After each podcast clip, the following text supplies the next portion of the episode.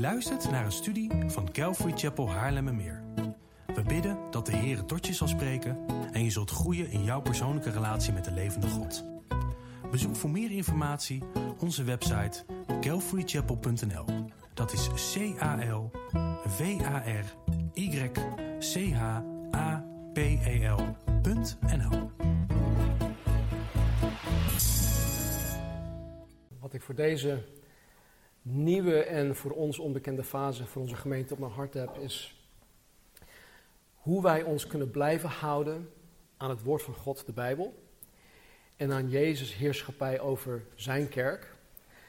Uh, hoe wij dat kunnen blijven doen zonder dat wij bepaald en beperkt worden door onder andere de overheid, maar ook door angst, door de mogelijke bangmakerij door de media en dan ook de experts op het gebied van het coronavirus. Ik geloof dat God wil dat wij enerzijds Hem dus volledig vertrouwen en dat wij op Zijn woord staan en dat wij Zijn woord naleven. Dat is niet veranderd. En ik geloof anderzijds, waar het dus niet met Gods woord in conflict is, dat wij netjes de maatregelen naleven uh, die door onder andere het RIVM, de Nederlandse overheid en onze verhuurder bepaald worden. We hebben ook met onze verhuurder te maken hier in dit gebouw. Dus vandaar dat we ons ook daar netjes aan moeten houden. En ik stel dit zo omdat er een, er is een denkrichting dat zegt dat die twee dingen elkaar bijten. Dus het, het aan het woord houden, het naleven van het woord van God, dat bijt het onderwerpen aan de overheid. Dat die twee dingen in conflict zijn.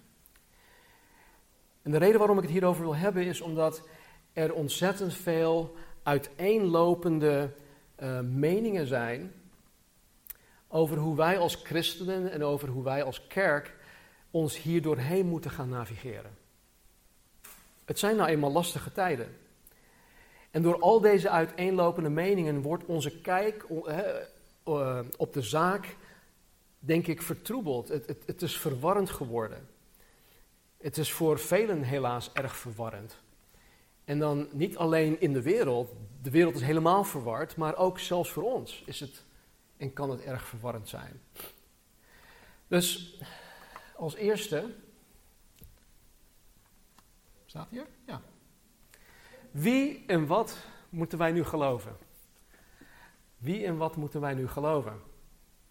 En als wij überhaupt denken te weten wie of wat wij moeten geloven, hoe handelen wij er als wedergeboren christenen bijbels naar? Hoe handelen wij daarnaar? Hoe doen wij dit als ambassadeurs van Jezus Christus?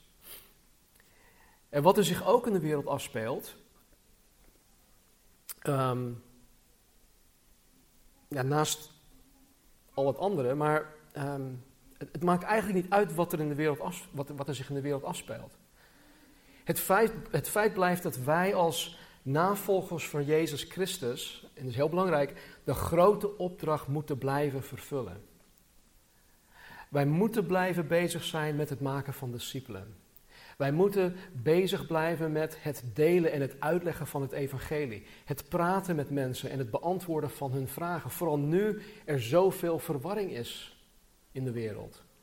Wij hebben het antwoord. Wij hebben het antwoord. Ik sprak een paar weken geleden met iemand die onlangs tot geloof is gekomen. En ondanks dat die persoon echt heel kort samen met de Heer wandelt en Bijbel leest en echt ernstig met God bezig is, zit die persoon al te denken aan, aan die persoon. Hey, ik moet het met die persoon hierover gaan hebben. Ik moet, het, ik moet met die buurman gaan praten over het antwoord. Het antwoord, Jezus Christus dus uh, het maakt niet uit of je vandaag tot geloof komt of dat je al 20, 30, 40 jaar met de Heer wandelt. Wij moeten blijven uh, bezig zijn met de grote opdracht. En als wij als individuen en als kerk, de aardse belichaming van Jezus Christus, als wij dat zelf niet weten, of als wij bepaald worden door onze eigen opvattingen, door onze eigen meningen over wat er nu gaande is, op deze aardbol, of als wij hierover verdeeld zijn, dan zullen wij verlamd raken. We zullen verlamd raken voor wat betreft het getuigen zijn, voor wat betreft de zaak van Christus, voor wat betreft het vervullen van de grote opdracht. Het is dus zaak om het hierover te hebben. Nou, ik heb, dankzij God heb ik een, uh, een aantal weken rust mogen nemen. En dan uh, heb ik iets meer tijd om me te gaan oriënteren op wat zich op de, het evangelisch ja, vlak gebeurt. Niet alleen in Nederland, maar wereldwijd. En in het evangelisch christendom heb ik de afgelopen tijd voornamelijk twee, twee denkrichtingen waargenomen. Waarvan ik vanmorgen de twee extremen zal gaan belichten. De eerste denkrichting is dat, uh, dat wij als wedergeboren discipelen van Jezus Christus ons niet hoeven te schikken aan wat de overheid ons als christenen en als kerk oplegt. Dat is één denkrichting. En wij moeten ons aan God verantwoorden en aan niemand anders. Dit argument komt voort uit wat er in Handelingen 3 en 4 gebeurde. Nou, in Handelingen 3, net nadat uh, Pinkster is gekomen, de kerk is geboren, het is ineens van 120 mensen naar 3120 mensen gegroeid in één klap, na de eerste preek van Petrus. En vervolgens gaan Petrus en Johannes naar de tempel toe om op een van de vaste gebedstijden te bidden. Dat was de norm in het Jodendom. En bij de ingang kwamen ze uh, de bij iedereen bekende kreupele bedelaar tegen. Iedereen die daar woonde, iedereen die naar die tempel toe ging, kende deze man. Ze kenden hem als de kreupele die daar aan het bedelen was. En hij vroeg Petrus en Johannes om geld. Maar in de naam van Jezus greep Petrus de rechterhand van deze man en hij, en hij beval hem om op te staan en om te gaan lopen.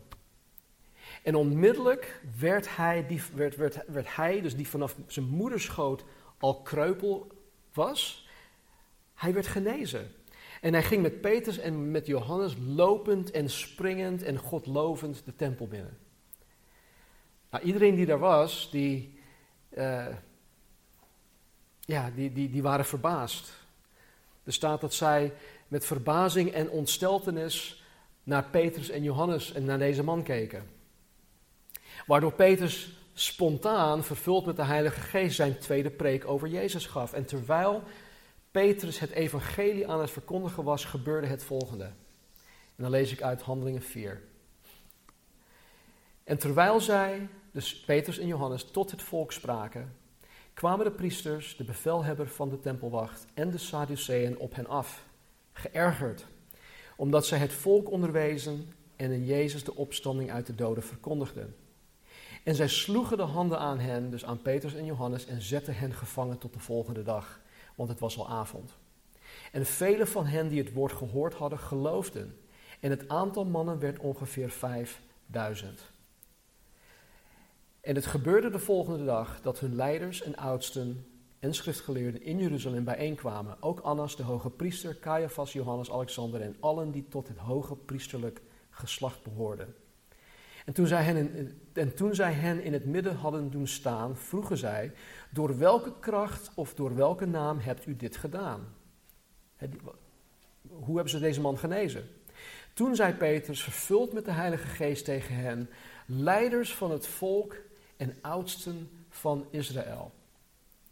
Wanneer wij vandaag ondervraagd worden over de weldaad aan een zieke man bewezen, waardoor hij gezond geworden is, Laat het dan bij u allen en bij heel het volk Israël bekend zijn dat door de naam van Jezus Christus, de Nazarener, die u gekruisigd hebt, maar die God uit de doden opgewekt heeft, dat door hem deze man hier gezond voor u staat.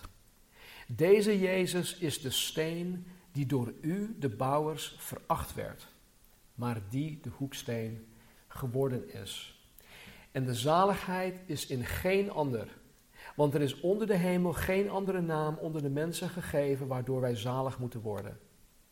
Toen zij nu de vrijmoedigheid van Petrus en Johannes zagen en merkten dat zij ongeleerde en eenvoudige mensen waren, verwonderden zij zich en herkenden zij hen als mensen die met Jezus samen geweest waren. Wat een getuigenis is dat, hè? Stel je voor dat mensen zeggen van, oh, oh man, die, die, die, die André, die is gewoon met Jezus, bij Jezus geweest. Of Marnie, of, of, of die André, André, André. Uh, wat een mooie getuigenis. Anyway. En omdat zij de man die genezen, genezen was bij hen zagen staan, konden zij er niets tegen inbrengen. En nadat zij hun bevolen hadden de raad te verlaten, overlegden zij met elkaar. En ze zeiden: Wat zullen wij met deze mensen doen? Want dat er een, al, een alonbekend teken door hen is verricht, is duidelijk voor allen die in Jeruzalem wonen. En wij kunnen het niet ontkennen. Maar laten wij, opdat het niet nog verder onder het volk bekend raakt, hun met de grootste dreiging gebieden dat zij tot geen enkel mens meer in die naam mogen spreken. En na hen geroepen te hebben, gaven zij hun het bevel helemaal niet meer te spreken of te onderwijzen in de naam van Jezus. Maar Petrus en Johannes antwoordden en zeiden tegen hen: Oordeel zelf of het juist is in Gods ogen meer naar u te luisteren dan naar God. Want wij kunnen niet nalaten te spreken over wat wij gezien en gehoord hebben. Maar zij dreigden hen nog meer en omdat zij niets konden vinden om hen te straffen, lieten zij hen gaan ter wille van het volk.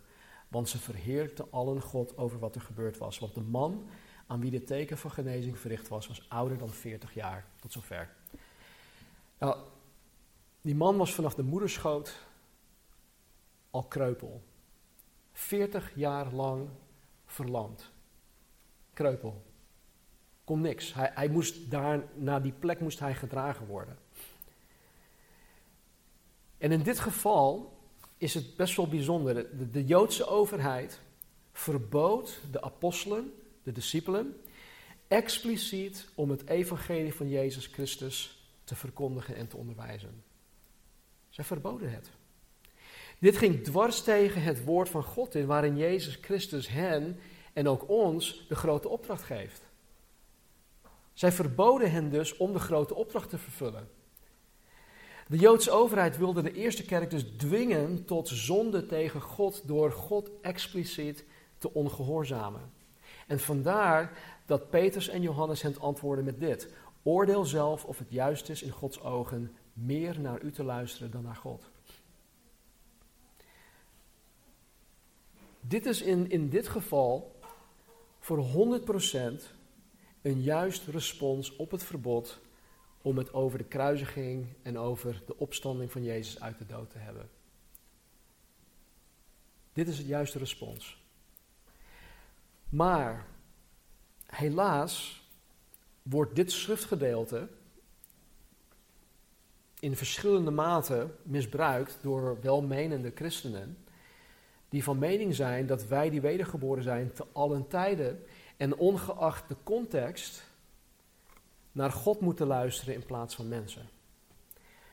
En christenen die, die deze mening aanhangen zeggen bijvoorbeeld dat wij, wij die wedergeboren zijn, ons niets van de overheid of van de experts moeten aantrekken.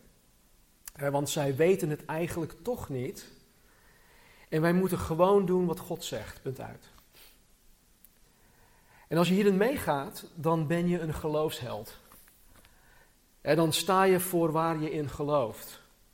Dan heb je meer, uh, ja, of een sterker geloof dan degenen die hier niet in mee durven te gaan. Daarentegen, als je hierin niet meegaat, dan word je al gauw bestempeld als iemand die een zwakker geloof heeft dan hen dan ben je bang om voor de zaak van Christus te staan, om, om, of daarvoor uit te komen. Dan vrees je mensen meer dan God, dan ben je God ongehoorzaam.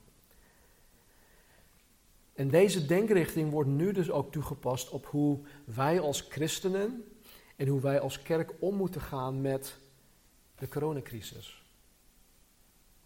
Er wordt bijvoorbeeld door sommigen beweerd dat social distancing, het anderhalve meter afstand houden, niet in grote getalen in een gesloten ruimte samenkomen, eh, dragen we mondkapjes, al dat soort dingen, dat dat allemaal geen zin heeft. Eh, dus waarom moeten we dat? Moeten wij ons dan als christen en als kerk schikken aan deze zaken waar wij niet achter staan? Dat is de denkrichting. En dit is dus één extreem voorbeeld van één denkrichting dat ik de afgelopen tijd heb waargenomen rondom deze coronacrisis. De tweede denkrichting dat ik de afgelopen tijd onder christenen heb waargenomen is dat men vindt dat wij als individuele christenen en als kerk niet moeten tegenspartelen en ons gewoon klakkeloos moeten schikken aan de overheid. Want de overheid is door God ingesteld. Het is goed, dat zegt de Bijbel. Als je dan niet aan de overheid onderwerpt, dan ben je God ongehoorzaam. En zal je oordeel over jezelf halen. Dat staat er in Romeinen 13. En dit argument komt dan ook voort uit wat er in Romeinen 13 staat, wat er in 1 Petrus hoofdstuk 2 staat. Over de plaats van de overheid in het leven van de staatsburger, waaronder ook christenen. En dan staat er in Romeinen 13, vers 1 tot en met 5 dit. Iedereen moet zich aan de overheid onderwerpen. Want overheidsgezag is iets dat alleen maar bestaat bij de gratie van God. Het bestaande gezag is door God ingesteld. Wie zich, dus, wie, wie zich dus verzet tegen het gezag, verzet zich tegen een instelling van God. En wie dat doen, hebben hun veroordeling aan zichzelf te wijten.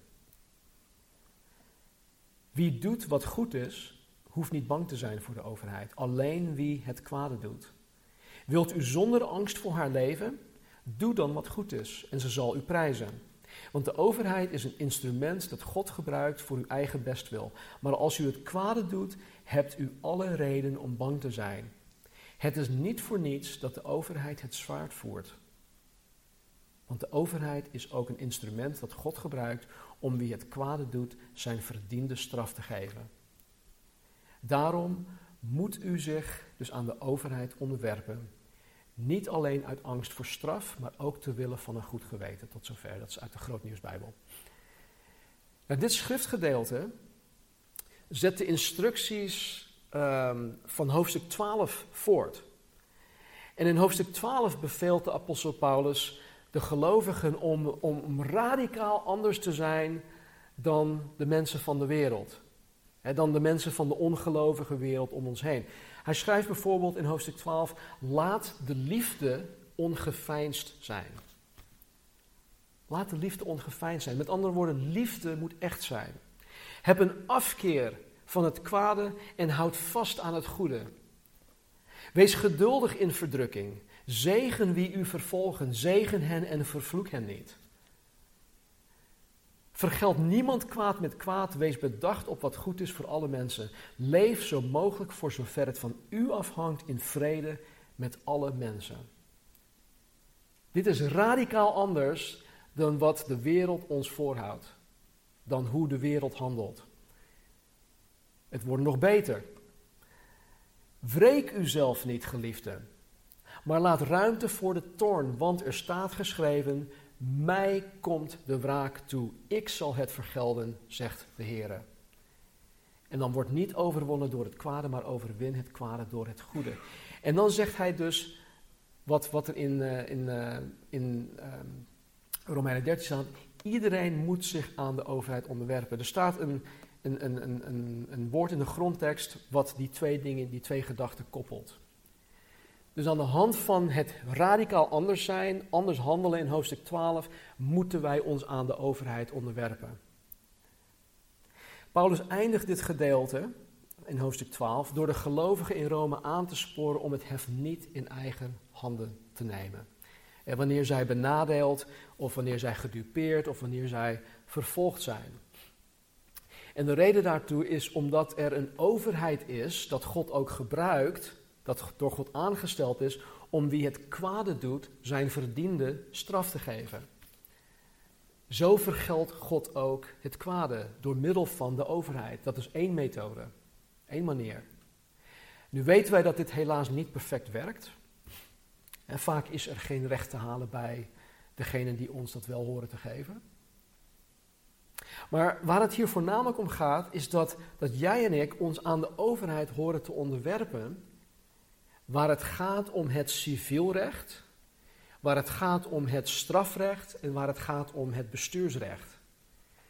En als je wil weten wat die, die, drie, die, drie, die drie dingen inhouden, google ze en dan staat er heel veel dingen. Alles valt onder die drie hoofdkoppen: civielrecht, strafrecht en bestuursrecht. En wanneer wij ons aan deze wetten houden en niet voor eigen rechter gaan spelen, dan zal daaruit blijken dat wij radicaal anders zijn. Radicaal anders dan de wettelozen om ons heen. En dat helpt ons om getuigen van Jezus te zijn. Dat is een van de dingen waarin wij ons kunnen onderscheiden in het getuigen zijn van Jezus Christus. En dit draagt bij aan het vervullen van de grote opdracht. Uh, ook Petrus, de apostel Petrus, beveelt de uh, gelovigen om zich aan de overheid te onderwerpen. Maar Petrus geeft daar een andere reden voor. In 1 Petrus hoofdstuk 2, vers 13 tot en met 17 staat dit. Onderwerp u ter wille van de Heer aan het bestuur van mensen. Aan de koning omdat hij het hoogste gezag is, het hoogst menselijk gezag. Aan de gouverneurs omdat zij door hem, dus door God aangesteld zijn om hen die het slechte doen te straffen en hen die het goede doen te prijzen. God wil dat u door uw goed gedrag het zwijgen oplegt aan de domme praat van onwetende lieden. Leef als vrije mensen, zonder de vrijheid te misbruiken als dekmantel voor zondige praktijken. Met uw vrijheid moet u God dienen. Eer alle mensen, heb de gemeenteleden lief, heb ontzag voor God en eer de koning. Tot zover. Het is omwille van de Heer Jezus Christus dat wij ons aan de door God aangestelde overheid onderwerpen. En dan gaat het erom dat jij en ik ons uh, aan de overheid onderwerpen waar het gaat om het civielrecht, het strafrecht en het bestuursrecht. Dit is wel heel belangrijk, want de overheid heeft geen onbeperkte macht over de christen of over de kerk. Nu dit. In Handelingen 4 verbood de Joodse overheid de apostelen en de discipelen om de grote opdracht te vervullen. En daarom zeiden Petrus en Johannes tegen de Joodse overheid: Oordeel zelf of het juist is om meer naar u te luisteren dan naar God. Bij deze eerste gemeente ging het niet om, uh, om door de overheid ja, opgelegde beperkingen, uh, zoals bijvoorbeeld anderhalve meter afstand te houden, niet meer dan 100 mensen in een zaal, uh, handen wassen, à la RIVM-richtlijnen. Nee, de eerste gemeente werd door de overheid vanaf het prille begin al expliciet verboden om de grote opdracht te vervullen. En dit verbod ging dwars tegen het woord van God in en ging dwars tegen de zaak van Christus in. Het is dus niet bijbels verantwoord. En voor jullie die dit iets, ja, iets meer interessant vinden, het is ook niet exegetisch verantwoord om handelingen 4 nu in de coronacrisis één op één toe te passen. Want de overheid verbiedt ons nu niet om de grote opdracht te vervullen. Wellicht komt dat nog. Het kan heel goed zijn dat wij wel die kant op gaan. Als je nu al denkt dat er uh, voorgangers vervolgd worden in de westerse wereld omdat zij uh, Romeinen 1 bijvoorbeeld of Leviticus uh, verklaren, waarin staat dat eh, bijvoorbeeld homoseksualiteit bestialiteit, dat het allemaal niet bijbels is. Er zijn overheden in de westerse wereld die deze voorgangers ook gewoon uh, de mond willen snoeren. Er zijn zelfs mensen, eh, voorgangers in, in, die nu in de gevangenis zitten. Dus het kan, eraan, het, het kan eraan komen. Maar gelukkig is dat nu niet aan de orde. Sterker nog, onze overheid heeft een zekere Ferdinand Grapperhaus, eh, de minister van eh, Justitie en Veiligheid, ehm, hij is ook nog eens minister van Eredienst, hij werd aangesteld en hij heeft met uh, alle religieuze instanties of organisaties afgesproken dat er geen handhaving in kerken zal plaatsvinden. Ik denk dus dat wij vooralsnog heel blij en heel dankbaar mogen zijn dat minister Grapperhaus de verantwoordelijkheid over hoe kerken met de coronavirus om moeten gaan bij de kerken heeft neergelegd. Wij hebben de verantwoordelijkheid gekregen. En dat is een, dat is een gigantisch pluspunt. Want als je nu, eh, ja, ik weet niet of jullie dat volgen, maar wat er in de staat Californië bijvoorbeeld gebeurt, joh, dat is een gigantische drama. Uh, voorganger John MacArthur van Grace Community Church, die heeft uh, vorige week of de week ervoor een standpunt ingenomen. Want uh, Gavin Newsom, de gouverneur, die wilde weer um, gewoon maatregelen opleggen, of die heeft maatregelen opgelegd, dat kerken niet meer samen mochten komen. Maar ze mogen wel protesteren, ze mogen wel dit en dat. En John MacArthur en zijn um, oudste team, die hebben gezegd van nee, Jezus is het hoofd van de kerk en niet keizer. En wat ze nu hebben gedaan, hè, of de, de overheid dreigt nu om gewoon uh, de stroom er, er, eraf te halen. Het water hebben ze al, al stopgezet op hun campus. Dus het, het zit eraan te komen. En het is dus aan ons nu om hier volwassen en verantwoord mee om te gaan.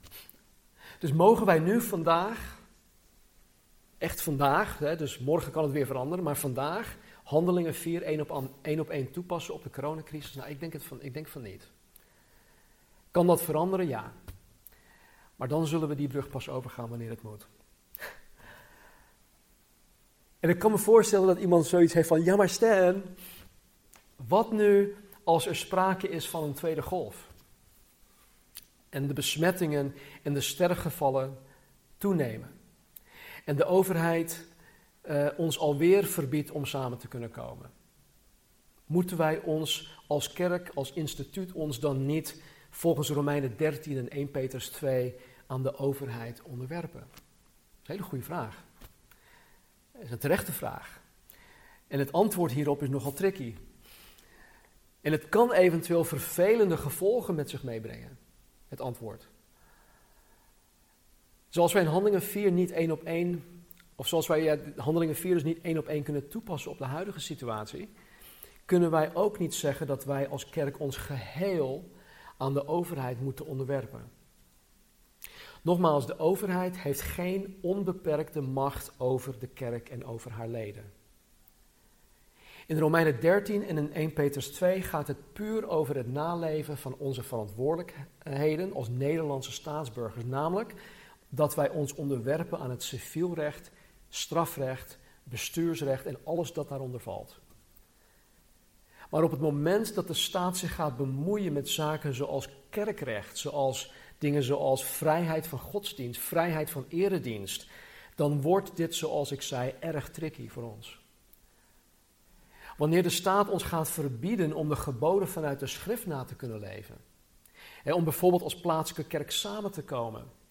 Uh, samen te zingen, mensen te gaan dopen, het nuttige van het heilig avondmaal, dan is Romeinen 13 en 1 Petrus 2 niet langer van toepassing. En wat doen we dan? Daarom vragen wij, hè, want op, op de vraag van wat doen we dan, daarom vragen Casper en ik jullie continu om te bidden voor ons als kerk. Om continu te bidden en te blijven bidden voor ons als kerkleiding. Dit is voor ons allemaal nieuw. Het is voor ons allemaal nieuw. We hebben nog nooit eerder te maken gehad met dit soort keuzes. Wij hebben Gods leiding en Gods kracht hierin keihard nodig. En het gaat mij niet alleen hierom dat wij elke zondag dan ook een gebedstijd van een half uur willen inlassen, maar dit is zeker een reden om dat te doen. Nogmaals, het is nu niet aan de orde, maar ik ben er persoonlijk van overtuigd dat het niet makkelijker gaat worden. Dus moeten wij, wij moeten over deze dingen gaan nadenken. En we moeten vooral ernstig bidden om Gods wil en om Gods wijsheid. Niemand behalve God zelf weet wat de toekomst voor ons in petto heeft. Maar er zijn wel tekenen waar wij acht op moeten slaan. Er zijn tekenen dat het leven op aarde radicaal aan het veranderen is. Er zijn ook tekenen dat de wereld klaargestoomd wordt voor de komst van de antichrist. Het is des te belangrijker dat wij ons geestelijk goed voorbereiden en dat wij een geestelijk calamiteitenplan hebben. En dat is eigenlijk al hierin te vinden. Het is al geschreven. Dus voor alle duidelijkheid, Handelingen 4 is toepasselijk wanneer er een algeheel verbod opgelegd wordt op het vervullen van de grote opdracht. En Romeinen 13 en 1 Petrus 2 is op ons van toepassing als individuen en als organisatie waar het gaat om civielrecht, strafrecht, bestuursrecht en alles dat daaronder valt. Nou, wat kunnen we hier nou mee?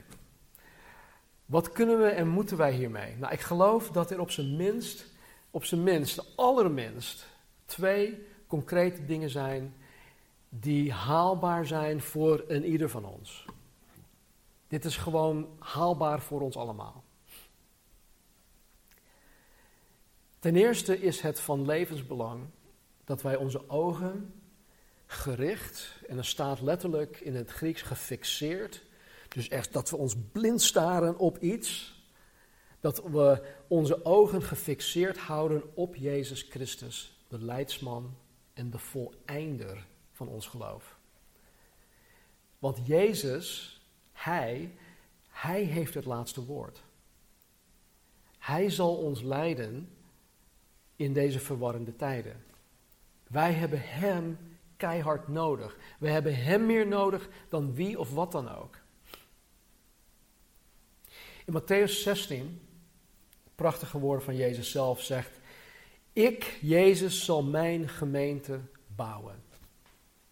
Ik zal mijn gemeente bouwen en de poorten van de hel zullen haar niet overweldigen. Wij mogen er voor 100% zeker zijn dat Jezus zijn gemeente aan het bouwen is. En dat de kracht van de hel, de kracht van de Satan, de macht van de Satan, Jezus' plan en bouwwerk niet zal platleggen. Wij hebben voor 100% die zekerheid. Jezus zal zijn werk afmaken. Niet voor niets dat hij in, in Hebreeën 12 de voleinder van ons geloof wordt genoemd. Jezus maakt af waar hij aan begonnen is. Maar omdat wij met ons beperkt zicht nu zoveel om ons heen zien gebeuren, kan het erop lijken dat de Satan wel aan het winnen is dat de Satan de overhand heeft gekregen over jouw persoonlijk leven misschien, of over jullie gezinssituatie, of thuis of werk of waar dan ook, of misschien over de hele wereld of over de kerk. En dat is niet zo, want als je het bekijkt over de afgelopen 2000 jaar, dan zie je dat Jezus Christus overwinnaar is. Hij is overwinnaar. En dat vind ik zo mooi op, uh, op de grafsteen van Corrie. Die ligt begraven in Placentia, Californië. En daar staat alleen Corrie geboortedatum en uh, sterfdatum. Ze is trouwens op haar verjaardag is zij gestorven, vele jaren later. Um, maar er staat dan alleen, Jesus is victor. Jezus is overwinnaar. Wat een prachtige getuigenis. Jezus is overwinnaar. Kijk alleen al naar het feit dat jij en ik tegen alle verwachtingen in door de Heer gered zijn. Wat een wonder dat ik gered ben.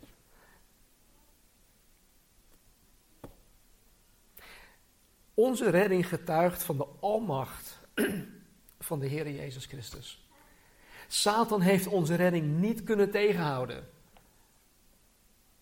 Hij heeft onze redding niet tegen kunnen houden.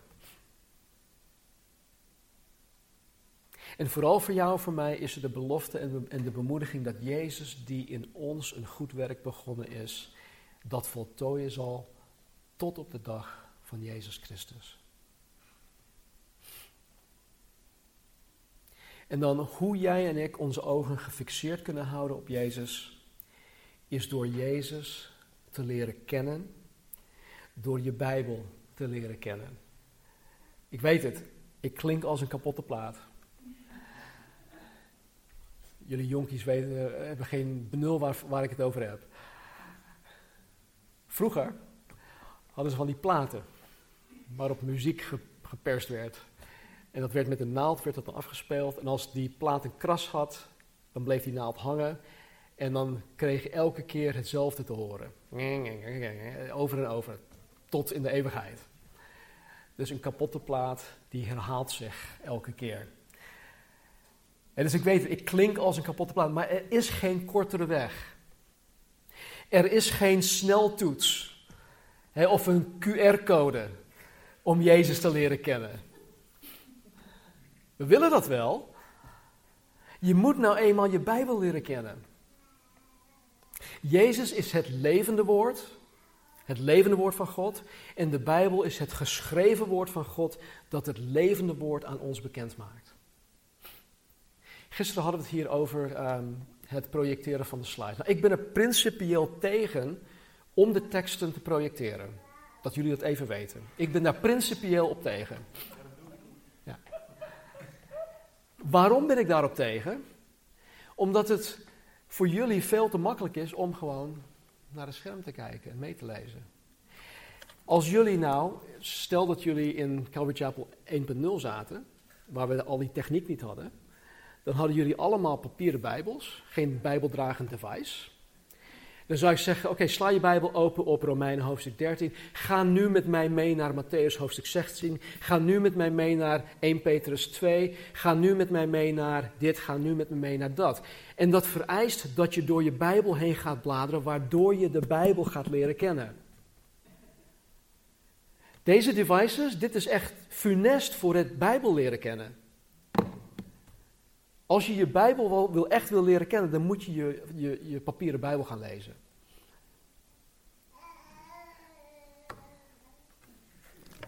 Dus ik ben er principieel op tegen, maar mijn, de pragmatische kant doet dit omdat ik juist heel veel te zeggen heb. En als ik op jullie moet gaan wachten om door jullie Bijbels heen te gaan bladeren. Dan, dan, ja, dan wordt de dienst gewoon structureel een kwartier langer. Ja, dus dat jullie een beetje, een beetje van mijn beweegredenen uh, te weten komen. Dus Jezus is het levende woord van God en de Bijbel, het geschreven woord van God, openbaart wie Jezus is. Nou, het tweede concrete dat een ieder van ons kan doen, is liefde en begrip voor elkaar hebben liefde en begrip voor elkaar hebben. Zoals ik zei, zijn de meningen en de opvattingen van wat er gaande is uiteenlopend. En als jij er bijvoorbeeld van overtuigd bent dat de coronacrisis niet serieus genomen moet worden omdat het een of ander complot is, dan moet je jouw mening niet op anderen proberen op te leggen. Die misschien wel vinden dat de coronacrisis serieus genomen moet worden en vice versa. Satan kan en wil deze crisis gebruiken om verdeeldheid in de kerk te brengen. Dit is echt een uitgelezen kans voor Satan om verdeeldheid in de kerk te brengen. En als wij er niet voor waken, dan is het zo gebeurd. Het sluit er zo in. Daarom de volgende verse. Filippenzen 2, vers 3. Doe niets uit eigen belang of eigen dunk maar laat in nederigheid de een de ander voortreffelijker achten dan zichzelf. Romeinen hoofdstuk 12, vers 10. Heb elkaar hartelijk lief met broederlijke liefde. Ga elkaar voor in eerbetoon. En dan tot slot Efeze 4, vers 1 tot en met 3. Zo roep ik, Paulus, de gevangenen in de Heer u op tot een wandel die de roeping waarmee u geroepen bent waardig is. In alle nederigheid en zachtmoedigheid, met geduld, door elkaar in liefde te verdragen. En u te beijveren om de eenheid van de geest te bewaren door de band van de vrede.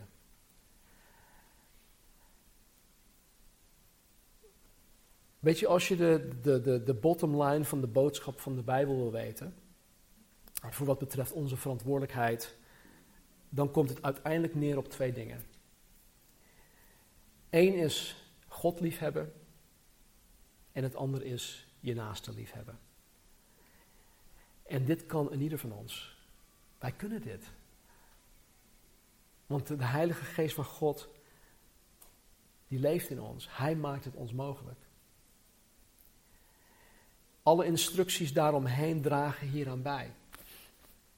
Love God, love people. En vaak doen wij moeilijk en dan denken we, ja, maar wie is mijn naaste dan? Is hij of zij mijn naaste? Eh, is die mijn naaste? Ik weet het allemaal niet, dus ja, ik, dan doe ik maar liever niks.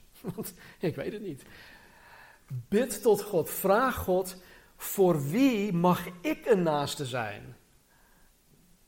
Voor wie mag ik zijn of haar naaste zijn?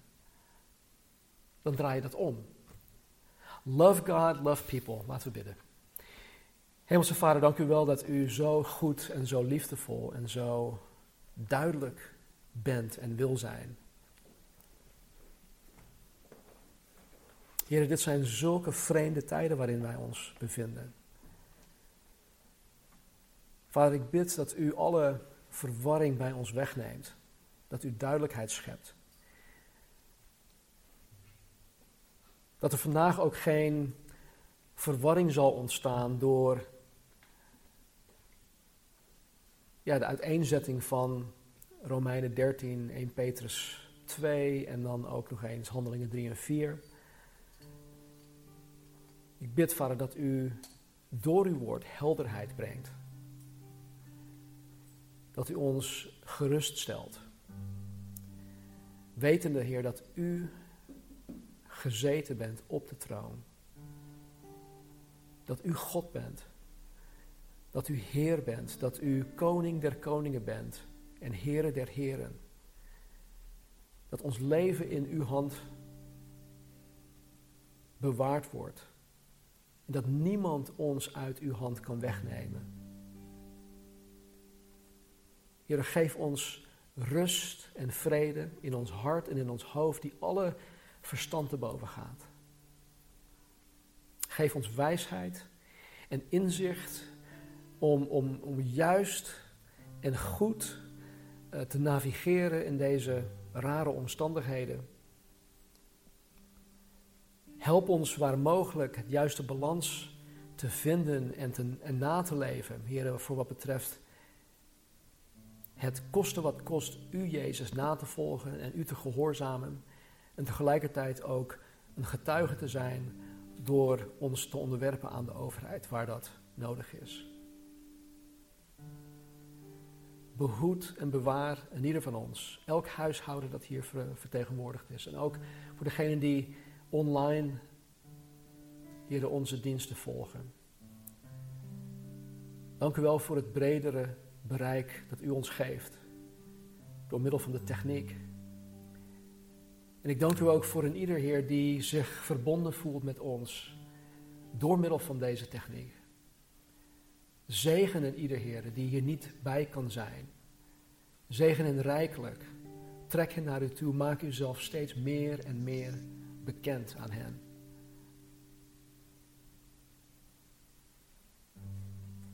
Dank u wel, Heer. Help ons, leid ons, zegen ons, omwille van de zaak van Christus, omwille van uw naam. In Jezus' naam. Amen. We gaan samen nog een eh, drietal liederen zingen. En dan kom ik zo meteen nog even terug om, uh, om een zegen uit te spreken.